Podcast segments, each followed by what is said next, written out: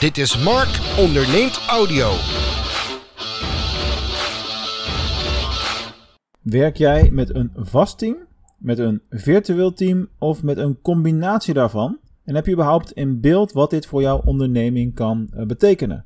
Nou, dat is de vraag die ik vandaag in Mark Onderneemt Audio even centraal wil uh, stellen.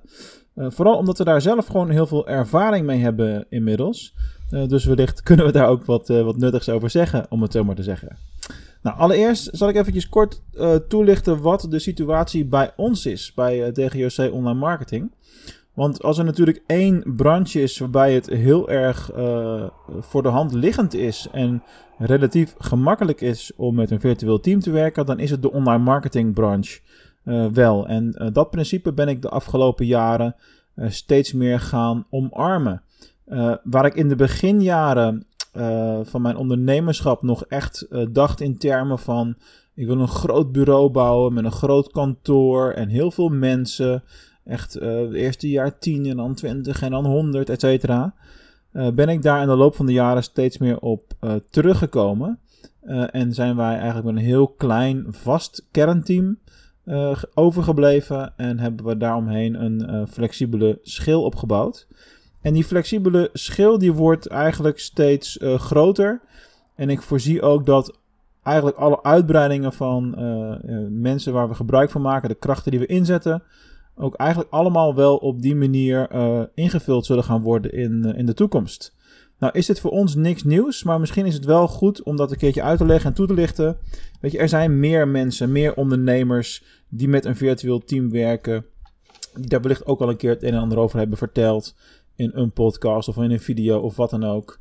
Uh, dat zijn de bekendere en de minder bekende ondernemers. Uh, top of mind bij mij zijn bijvoorbeeld mensen als een Ilko de Boer, die sowieso een virtueel team heeft. Een, Bas Eurlings, die eerst 30 man op kantoor had en nu met een virtueel team werkt. Uh, ja, en zo zijn er genoeg voorbeelden natuurlijk. Nou, laat eerst even vaststellen voor jezelf. Hè, kan het voor jou? Kun jij met een virtueel team werken? Leent jouw business zich daarvoor? Nou, wat daarbij natuurlijk heel belangrijk is, is dat het werk op afstand gedaan kan worden. Uh, en uh, ja, goed, ik kan niet in jouw keuken kijken natuurlijk vanuit hier, maar heel simpel gezegd, ik heb online marketing werk, online marketing klanten. Dat kan niet alleen op afstand, dat is vaak ook nog wel wenselijk ook. Wij hebben ook klanten die over de hele wereld zitten, uh, van Portugal tot aan Groningen, tot aan Bali en alles wat er tussenin zit gek genoeg nog steeds relatief weinig klanten hier in uh, het lokale Venlo. Hoewel ik al wel een jaar bij de VVV Business Club zit. Maar uh, ja, corona helpt dan natuurlijk niet. Je ziet elkaar natuurlijk allemaal niet zo heel veel. Hoe dan ook. Uh, het is, het is een branche waarbij het super logisch is om met een virtueel team te werken. Nou, wat is nu voor mij de, de manier waarop ik zo'n team opbouw? Um, allereerst moet je natuurlijk de juiste mensen om je heen zien te verzamelen en zien te vinden. Dat is eigenlijk hetzelfde als dat je uh, vacatures uit hebt staan voor uh, mensen gewoon voor jou op kantoor. Je hebt een soort sollicitatieprocedure, je hebt kennismaking, je hebt daarbij, dan moet je een, een beslissing innemen en dan gaat iemand wel of niet voor je aan de slag. Uh, alleen er is een groot verschil tussen dat doen met een vaste kracht of op kantoor of met een uh, ja, virtueel team iemand die waar dan ook uh, ter wereld mag, mag zitten. Overigens, als iemand die freelance voor ons werk doet, toevallig in de regio Venlo woont en het fijn vindt om op kantoor te werken, dan zijn ze altijd van harte welkom. want dat is ook wel leuk om elkaar natuurlijk af en toe wel in het echt te zien. Hè, dat we dat niet, niet vergeten. Maar uh, in principe is het zo dat, uh, uh, dat het niet nodig is uh, voor het virtuele team. Allereerst moet je de mensen vinden. Dat is stap 1. Nou, nou heb ik persoonlijk de afgelopen uh, jaren, met name de laatste 2, 3 jaar, een enorm groot netwerk opgebouwd op, op LinkedIn. En op LinkedIn heb ik inmiddels bijna 10.000 connecties. En ja, dat, dat kwam van 1500, 3, 4 jaar geleden. En dat zijn niet willekeurige connecties, dat zijn allemaal vakgenoten, branchegenoten, ondernemers, mogelijke doelgroep dus. Uh, en heel veel uh, relevante uh, connecties dus. Dat is belangrijk, de relevantie daar, daarin. Nou, wat voor mij dus eigenlijk de go-to manier is om nieuwe mensen te vinden, is heel simpel. als het gaat om virtueel team. Ik heb er bijvoorbeeld vanmorgen, op het moment dat ik dit opneem, nog, nog eentje uitgezet. dan begin ik een post in mijn tijdlijn met gezocht in dit geval zoeken we bijvoorbeeld een Amazon Marketing Expert. Is het gezocht Amazon Marketing Expert. Ehm, ben je bekend met uh, product listings, uh, brand stores, enhanced brand content, Amazon SEO, etc. etcetera. Reageer dan hieronder of tag degene die dit echt supergoed kan. Nou, dan ga ik in gesprek met een, selectie van de mensen. Dat zijn er vaak tussen de 4 en de 8 ongeveer. Daar plan ik dan een halve dag voor in, per soort ja, freelance expert. En daaruit komen er meestal ongeveer twee, soms drie, met wie ik ook daadwerkelijk aan de slag ga. En nou is het proces hier is natuurlijk echt totaal anders als met een vaste medewerker. Met een vaste medewerker heb je met één skillset te maken en die moet je dan al dan niet fulltime aan het werk zien uh, te houden op locatie. Maar in dit geval gaat het gewoon per project proefondervindelijk. Dus stel ik werk met twee Amazon marketing experts, dan geef ik ze allebei een eigen projectje. Ik geef de briefing, ik manage dat als projectmanager, zeg maar. En vervolgens ja, doen zij de uitvoering daarin en de praktijk is dat met degene met wie het lekker werkt, met wie het goed gaat, die fijne resultaten leveren, die, ja, die krijgen meer werk. En degene waarbij het minder goed gaat, ja, die verdwijnen weer vanzelf uit het bestand. Dus het maakt je enorm flexibel.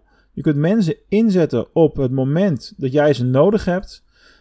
En als er een keer wat minder werk is, ja, dan zet je ze dus ook wat minder in.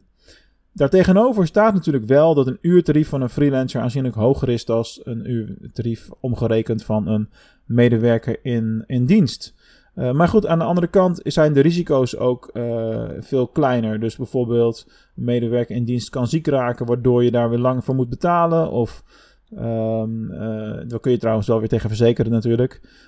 Of, of, of bevalt niet en je hebt nog een tijdcontract of wat dan ook. Dus, dus, dus de risico's zijn ja, met een virtueel team gewoon kleiner. En mijn ervaring is ook dat de resultaten van de werkzaamheden van freelancers vaak veel beter zijn dan de resultaten van werknemers in dienst. En dat ligt echt niet aan die mensen. Dat ligt niet aan die werknemers die bij mij in dienst zijn geweest. Zeker niet.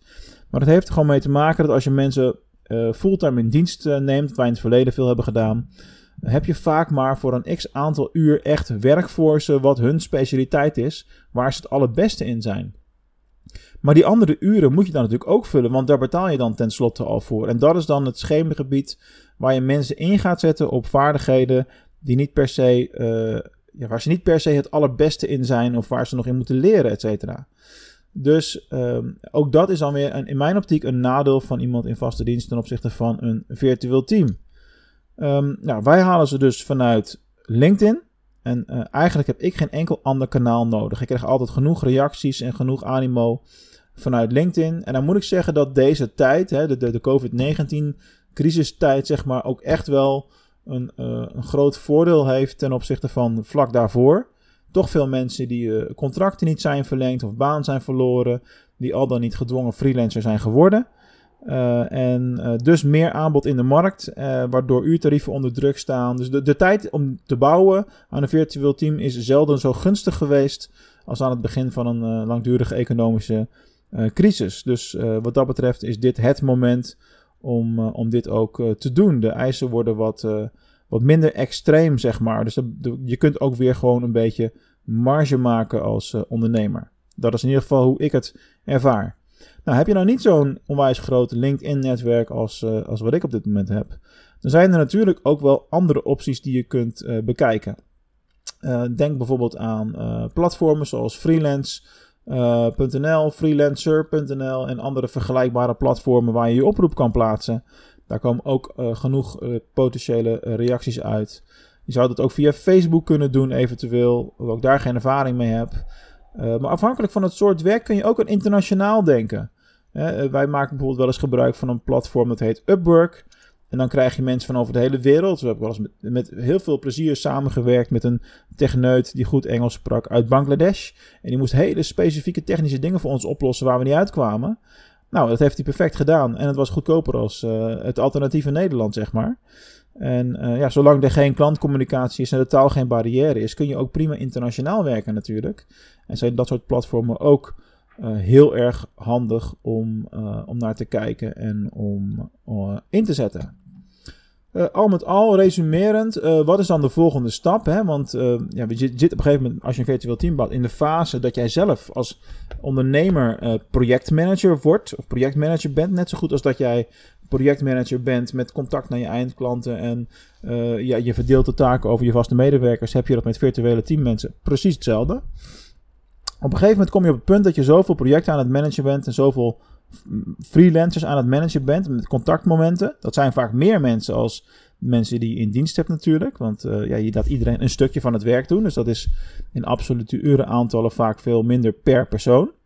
Uh, dan kom je op het punt dat je zelf zoveel aan het managen bent dat je niet meer aan het ondernemen en het creatieve stuk toekomt. En dan ga je ook in dat virtuele team uh, de volgende stap zetten. En wat is die volgende stap? Is dat jij er iemand tussen gaat zetten. En dan ga je eigenlijk een uh, een projectmanager als virtueel teamlid inhuren. Die dan uiteindelijk, de, en dat moet wel iemand zijn met verstand van zaken natuurlijk. Die dan uiteindelijk jouw virtuele teamleden gaat aansturen op taakniveau. Dus eigenlijk datgene wat je in eerste instantie nog zelf doet. Uh, daar zet je dan ook weer iemand tussen. En zo speel je jezelf als ondernemer stap voor stap uh, vrij en creëer je ruimte om weer andere dingen te gaan doen. Uh, zoals ik dat nu bijvoorbeeld doe met de ruimte die ik heb gecreëerd, waardoor ik weer lekker podcasts kan gaan opnemen. Waar ik persoonlijk dan weer heel erg blij van word. En ook dat heeft dan weer een vliegwiel-effect, want meer content publiceren betekent meer aandacht. Meer aandacht betekent meer aanvragen op lange termijn en meer klandizie. Nou, wil jij ook een virtueel team bouwen?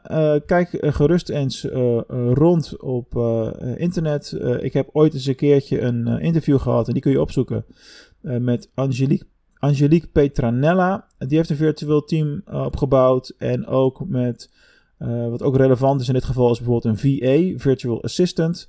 En daar heb ik ooit eens een interview gedaan met Petra Vering. Dus ook die kun je opzoeken. Voor nu wens ik je nog een fijne dag. En hopelijk heb je weer genoeg stof tot nadenken. Tot de volgende keer.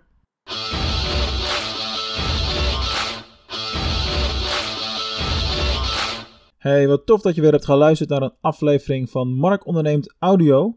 Nou, ben je ook zo blij met alle gratis content die je via deze route van mij krijgt? En zou je ons een onwijs groot plezier willen doen en ook vooral heel veel anderen willen helpen om deze content ook te ontdekken? Laat dan een review achter in de Apple Podcast app op het moment dat je een Apple gebruiker bent en in een van de andere podcast apps voor Android gebruikers. Want daarmee help je ons enorm. Daardoor worden we beter zichtbaar in de stores uh, waar ze gratis te downloaden zijn.